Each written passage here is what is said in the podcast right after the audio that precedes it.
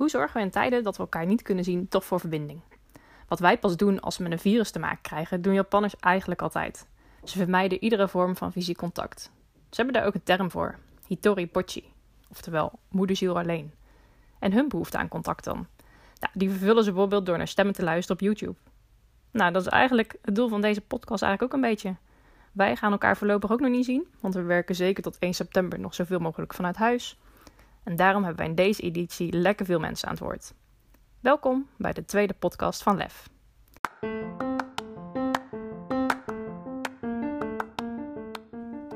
Hey, je luistert naar de podcast van Lef. Een plek waar we dingen deden die we tof, inspirerend en enthousiasmerend vinden. Voorheen in een magazine en nu via je oren.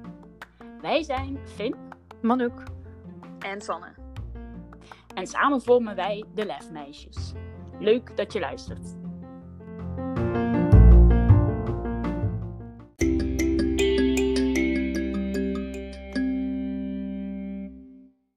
In deze editie vroegen collega's naar wat zij voor corona nog nooit eerder hadden gedaan.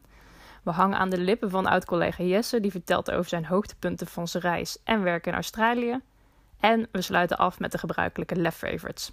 Nou, speciale dank nog aan Sam. Jouw spontane voice message, daar willen we natuurlijk veel meer van. Dus we wat achter na het luisteren van deze podcast en veel luisterplezier. Hey lef dames, uh, Sam hier uit het uh, verre Leidsendam het mooie, pittoreske Leidsendam. Ik heb genoten van jullie podcast. Het was erg leuk en het was ook heel leuk om zo toch nog een beetje afscheid te nemen van Henk. Um, op naar het goede werk en hopen dat we binnenkort elkaar allemaal gewoon weer zien. Doei doei! Nou, thanks Sam voor deze inspirerende woorden. Superleuk! Dan gaan we nu door naar de inhoud van onze podcast nummer 2. Met allereerst Sanne die jullie meeneemt in het spel Never Have I Ever.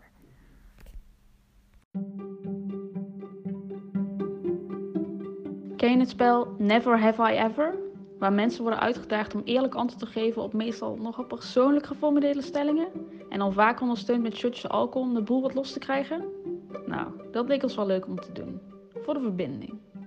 We kunnen jullie nu helaas geen shotjes aanbieden, maar voel je vrij om dat thuis te doen als je herkent in de verhalen. Of anders, laat het ons vooral weten. In deze editie hebben we een aantal collega's gevraagd wat zij voor corona nog nooit hadden gedaan. We spreken Desmond, Lauren, Teun, Jasper, Sanne en Erik. Ik ben Desmond Robers, software developer bij de Brinkgroep.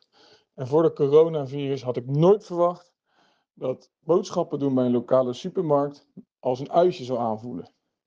Tijdens het boodschappen doen kom je vaak bekende mensen tegen en dat korte contact met elkaar en elkaar even in de ogen aankijken, kan heel leuk zijn. Stukken beter dan elkaar alleen maar spreken tijdens, een video, tijdens het videobellen. Hoi, ik ben Lauren en voor corona was ik nog nooit op kraamvisite geweest via FaceTime. Des te bijzonder was het om te videobellen met de kerstverse ouders, vlak nadat mijn neefje geboren was. Ik kijk er wel heel erg naar uit om hem in het echt vast te kunnen houden. Ik ben Teun Kerstens en voor corona had ik nog nooit zo'n lange periode met zoveel onrust thuis gewerkt. Net verhuisd met nog een aannemer in huis, een vrouw in de zorg, kinderen van 8 en 10 met thuisonderwijs zelf ook nog eens aan ingesloten teams overleggen. De hele dag door. Op dit moment dus thuis met veel hectiek, maar hopelijk op weg naar herstel en nieuw evenwicht. Ik ben Jasper Ponte en voor corona had ik nog nooit gehamsterd. Waar Nederland rond 13 maart massaal aan het hamsteren sloeg, heb ik dat op 25 februari al gedaan. Twee dagen voor de eerste besmetting in Nederland bekend werd. Ik was de coronapandemie begin dit jaar namelijk al intensief aan het volgen en had een slecht voorgevoel bij wat ons zou gaan overkomen. En, ook niet onbelangrijk, in de eerste week van maart zijn we op vakantie naar Oostenrijk gegaan. Ik maakte me eind februari zorgen hoe Nederland ervoor zou staan wanneer wij op 7 maart terug van vakantie zouden zijn. Vandaar dat ik zo vroeg heb gehamsterd. Misschien was ik op 25 februari wel de eerste coronahamsteraar van Nederland. Ik ben Sanne en voor corona had ik nog nooit illegaal een grens overgestoken. Zie je het voor je? We zitten kibbelend in de auto. Hoe gaan we het doen? Met een smoes? Oké, maar welke dan? Nee, niet die. Die werkt niet met z'n tweeën. En die? Ja, maar daar prikken ze toch zo doorheen. Ondertussen heb je zweethandjes en bonst je hartslag in je oren. Zo nerveus ben je. En de grens komt elke seconde dichterbij. Zet mij maar uit, zeg ik dan. Als Belg mag je altijd naar binnen. Ik niet. Maar ik zoek wel een weg door de bossen en de velden, waar ze niet controleren. Kom je me dan wel zo snel mogelijk ophalen aan de andere kant? En dat is hoe het ging. Tijdens mijn wandeling kijk ik schichtig om me heen. Heeft niemand me gezien? Gaat het lukken? En nu maar hopen dat ons moederdagbezoek in Nederland echt is gewaardeerd. Want dit doe ik nooit meer. Hoi, ik ben Erik Dijman. In het pre-corona-tijdperk had ik nog nooit een wijnproeverij gedaan via Zoom. Nu doe ik dat wekelijks. Hoe zit dat? Een deel van mijn oude rugbyvrienden is na afronding van de studie in het buitenland terechtgekomen. Wij zijn echter altijd een hechte club gebleven, die elkaar regelmatig opzocht. Op dit moment woonden er vrienden in Brussel, Parijs en San Francisco. Normaal gesproken spreken we elkaar drie à vier keer per jaar live. Vaak in combinatie met een wijnproeverij of een rugby-event. Een van hen startte naar aanleiding van de lockdown het initiatief tot een Zoom wijnproefmeeting, waarbij iedereen, ook op afstand, dezelfde wijn drinkt.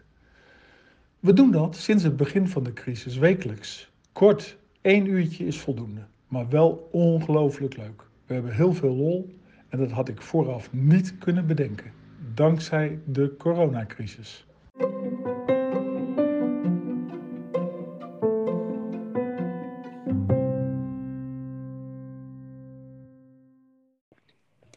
Ook in deze aflevering spreken we weer met iemand die niet langer bij Brink werkt. The one who left.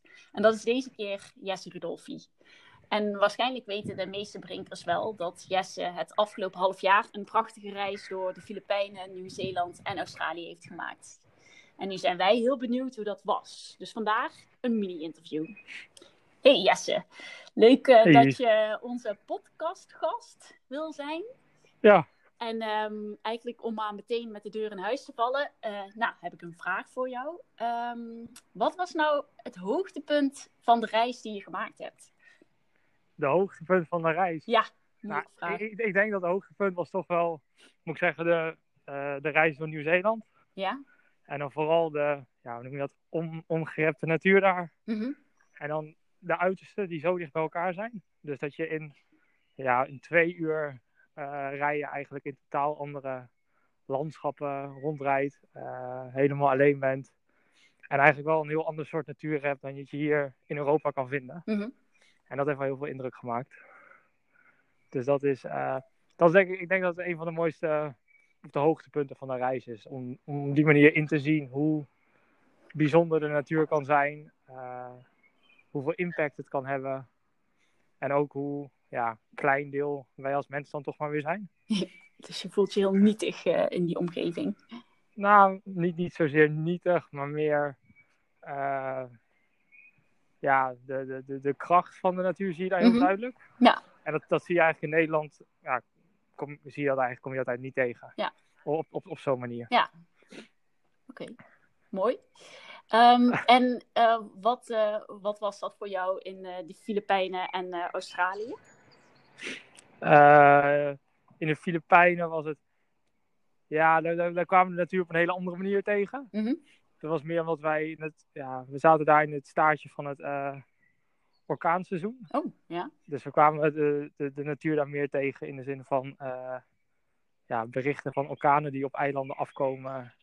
En dan toch maar hopen dat dat, dat, dat goed gaat. ja Dus in de zin van mooi, mooie natuur. Je hebt daar gewoon mooie stranden. En dan voelt die iets minder ongerept als in Nieuw-Zeeland. Ja. Maar je ziet daar dan de kracht op, ja, op hele andere manieren door ja, grote stormen die op je afkomen. En dan toch wel het effect op het, ja, op het weer is dan een heel goed, heel goed merkbaar. Ja. En in Australië ja, zaten we met, de met de bosbranden. Oh ja, tuurlijk. Dus dat was, eh, dat was ook echt bijzonder om eh, s ochtends wakker te worden in Melbourne. Eén grote smoklaag over die stad te zien. En dan, ja, dan merk je ook weer ja, hoe afhankelijk je bent van alles wat om je heen gebeurt. Ja. Ja. Ja, dus je hebt wel flink wat eh, extreme meegemaakt. En Ja. volgens mij ook Nee, dat, ehm, zaten jullie net in het begin van de coronacrisis natuurlijk in Australië. nee, dat klopt ook. Ja, eigenlijk hebben we door het schip in Australië eigenlijk ja, heel weinig meegekregen van de aanloop van heel het corona, ja, de crisis. Ja. Want we zaten daar best wel goed op een, ja, laten we zeggen maar, op, in, op een eilandje. Eh, ook met het werkzaamheden bij de Formule 1 was het, eh, ja, hoe zeg je het? We waren gewoon eh, het evenement aan het voorbereiden. Iedereen zei dat het door zou gaan. En als je dan nieuwsberichten vanuit Europa las, dan was het hier één grote brandhaard, de grootste brandhaard naast China. Mhm. En daar was eigenlijk werd elk moment gezegd, all systems go, Eh, het evenement gaat gewoon door. Ja.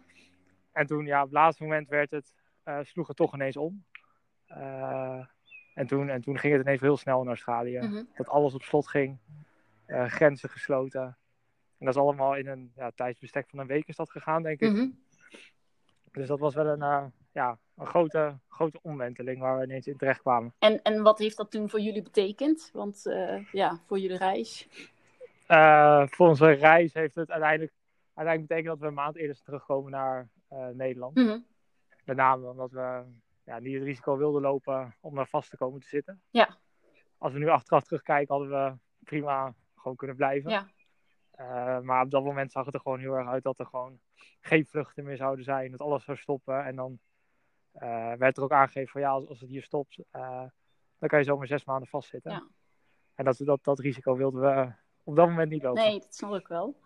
Nee. En ehm, je noemt even tussen neus en lippen door eh, je werk bij Formule 1. Ehm, dus Ja. je hebt daar ook gewerkt. Eh, Ja. Kun je daar iets over vertellen? Ja, we zijn eigenlijk de reis begonnen met het idee van we willen ja, zes maanden gaan reizen. Maar ook eh, ja, wel van het begin eigenlijk altijd al het idee gehad van we gaan ook eh, werk zoeken als we in Australië zitten. Mhm. En in ons geval was het, was het Melbourne dus. Ehm, ja, en ik heb samen met mijn vrienden hebben we allebei werk gevonden bij de Formule 1. Eh, erg veel geluk mee gehad. We zijn dus beide aan de slag gegaan om het eh, evenement op te bouwen. Mhm. En dus achter de schermen vol bezig geweest met ja, projectmanagement op de grond. Eh, zorgen dat het evenement wordt opgebouwd. Ja. Het evenement één dag kunnen meemaken en toen werd het ja, gesloten. Ja. Mochten, mochten de dag daarna mochten we weer beginnen met afbouwen. Dus dat was ook alweer een, ja, een uiterste met emoties bij collega's. Wat je ziet, die die werken daar een heel jaar naartoe. Ja. En dan, eh, ja, dan zie je het eh, eigenlijk soort van hun, hun werkzaamheden in, eh ja, in, in duig, hoe zeg je dat? In duigen gevallen. Ja. Ja. Ja, jeetje, ongelooflijk. Anticlimax. Ja. Ja, nee, klopt. Maar aan de andere kant, het doet niks af van de, ja, wat is het, 2,5 maand voorbereiding in, in werkzaamheden dat we daar gedaan hebben. In de zin, ja, dat dat blijft staan. We hebben het evenement een dag kunnen meemaken. Dus de, de ervaring is, is nog steeds eh, even mooi. Het is alleen jammer dat we ja, de race uiteindelijk niet hebben zien rijden. Ja. Ja. Ja. Ehm, dan eigenlijk alweer eh, de laatste vraag. Ehm, wat is nou een tip die je wil meegeven aan eh, de oud-Brink-collega's qua de ervaring die je hebt opgedaan en wat je hebt meegemaakt? Nou, de, de, de tip vanuit mij is eigenlijk eh, vooral eh, als je het idee hebt om eh, een reis te gaan doen of zo- zo'n ervaring op te zetten, Mhm. ja, om, om het vooral te doen en er niet te veel over nadenken. En niet te veel het gaan ja, overdenken en mogelijk te veel gaan voorbereiden. Maar er gewoon, ja, het, het gewoon doen. Ja. En gewoon gaan. En dat is denk ik het beste. Want ik denk als je er echt te veel over gaat nadenken, ja, dan, dan kom je altijd wel weer eh, redenen tegen om niet te gaan of om het uit te stellen. Eh, want dat hadden wij ook heel erg in het begin, dat we dachten van hebben we wel genoeg geld gespaard, kunnen we het wel doen? Ja. En toen zijn we uiteindelijk voor de middenweg gegaan door eh, te gaan en dan ook wat werk te zoeken en op die manier kosten wat te drukken. Maar eigenlijk had ik de reis ook niet, als ik achteraf nu terugkijk, had ik het niet willen doen zonder ja, de werkervaring in Melbourne. Ja. Dus eigenlijk is het gewoon, eh, nou, gewoon gaan. Ja, dus Ja. eh, gewoon doen en juist die combinatie werk en vakantie eh, is heel erg leuk gebleken. Ja, Ja. nee zeker. Oké, nou super gaaf. Dit was natuurlijk maar heel kort even het verhaal. Ehm, wat nou als mensen jou nog willen bereiken of een vraag hierover of gewoon over iets anders hebben, waar kan dat dan? Ik denk dat het makkelijk is. Je kunt maar gewoon een berichtje via LinkedIn sturen. Oké, En dat is denk ik het, het makkelijkste om het te bereiken. Ja. Ja, nou, heel leuk uh, je even te spreken en bedankt voor je verhaal. En, en jullie uh, ook bedankt voor de uitnodiging. En dan uh, hopelijk spreken we elkaar snel weer. Yes.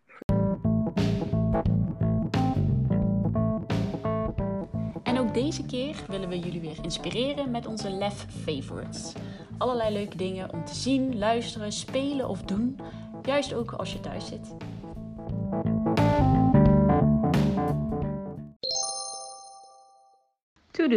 Bouw een fort. Met je kinderen of voor jezelf. IKEA heeft een aantal inspirerende voorbeelden uitgewerkt. Met IKEA-meubels natuurlijk. Geheel in eigen stijl hebben ze handleidingen gemaakt voor verschillende forten. Doe er je voordeel mee. Je vindt ze door op Google te zoeken op IKEA handleiding fortbouwen. To Watch. AI Songfestival.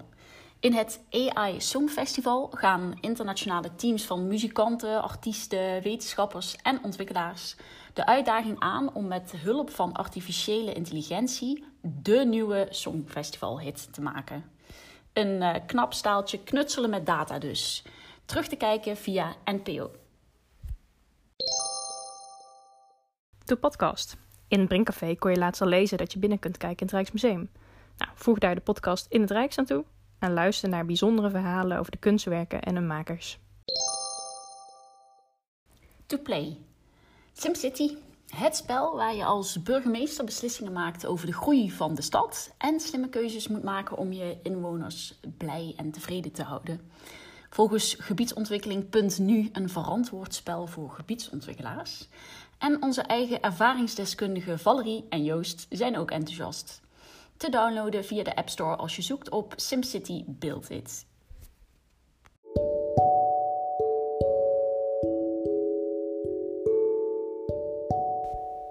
Het is zaterdagmiddag. De zonnestralen schijnen door mijn gordijnen en maken vierkantje op de vloer. Mijn balkondeur staat op een kier. De wind creëert knisperend geluid tussen de bladeren van de boom. Ik lig lang uit op de bank. Even het huis voor me alleen. En eindelijk heb ik wat tijd gevonden om naar mijn collega's te luisteren via de podcast van Lef. Ik sluit mijn ogen heel even. En even zit ik weer aan de lunchtafel op kantoor. Ik denk aan mijn buurvrouw die net als Jasper aan het hamsteren was geslagen. En met zweet op haar voorhoofd hij een witte Tesla stond uit te laden. Mijn mondhoeken krullen tevreden omhoog. Even voel ik mij die Japanner die YouTube-filmpjes luistert om stemmen te horen. Hitori Bocci. Ik besef me, verbinding maken doe je met je hart. Ik neem een slok van mijn thee. Op naar de podcast van het Rijks.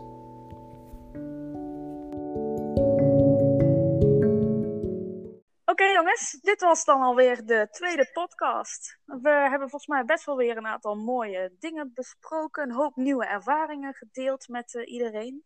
Dus uh, Finn, uh, was het uh, deze keer net zo spannend als de vorige keer? Uh, ja, eigenlijk wel, vind ik, toch wel. Het blijft best wel spannend om zo'n uh, podcast op te nemen. Uh, en wat nog veel erger is, is toch om jezelf terug te horen. dus het is vooral leuk om te maken en vooral niet om jezelf weer terug te luisteren. Um, maar wel heel goed dat er andere luisteraars zijn. En Manouk, hebben wij daar nog een opdracht voor de luisteraars?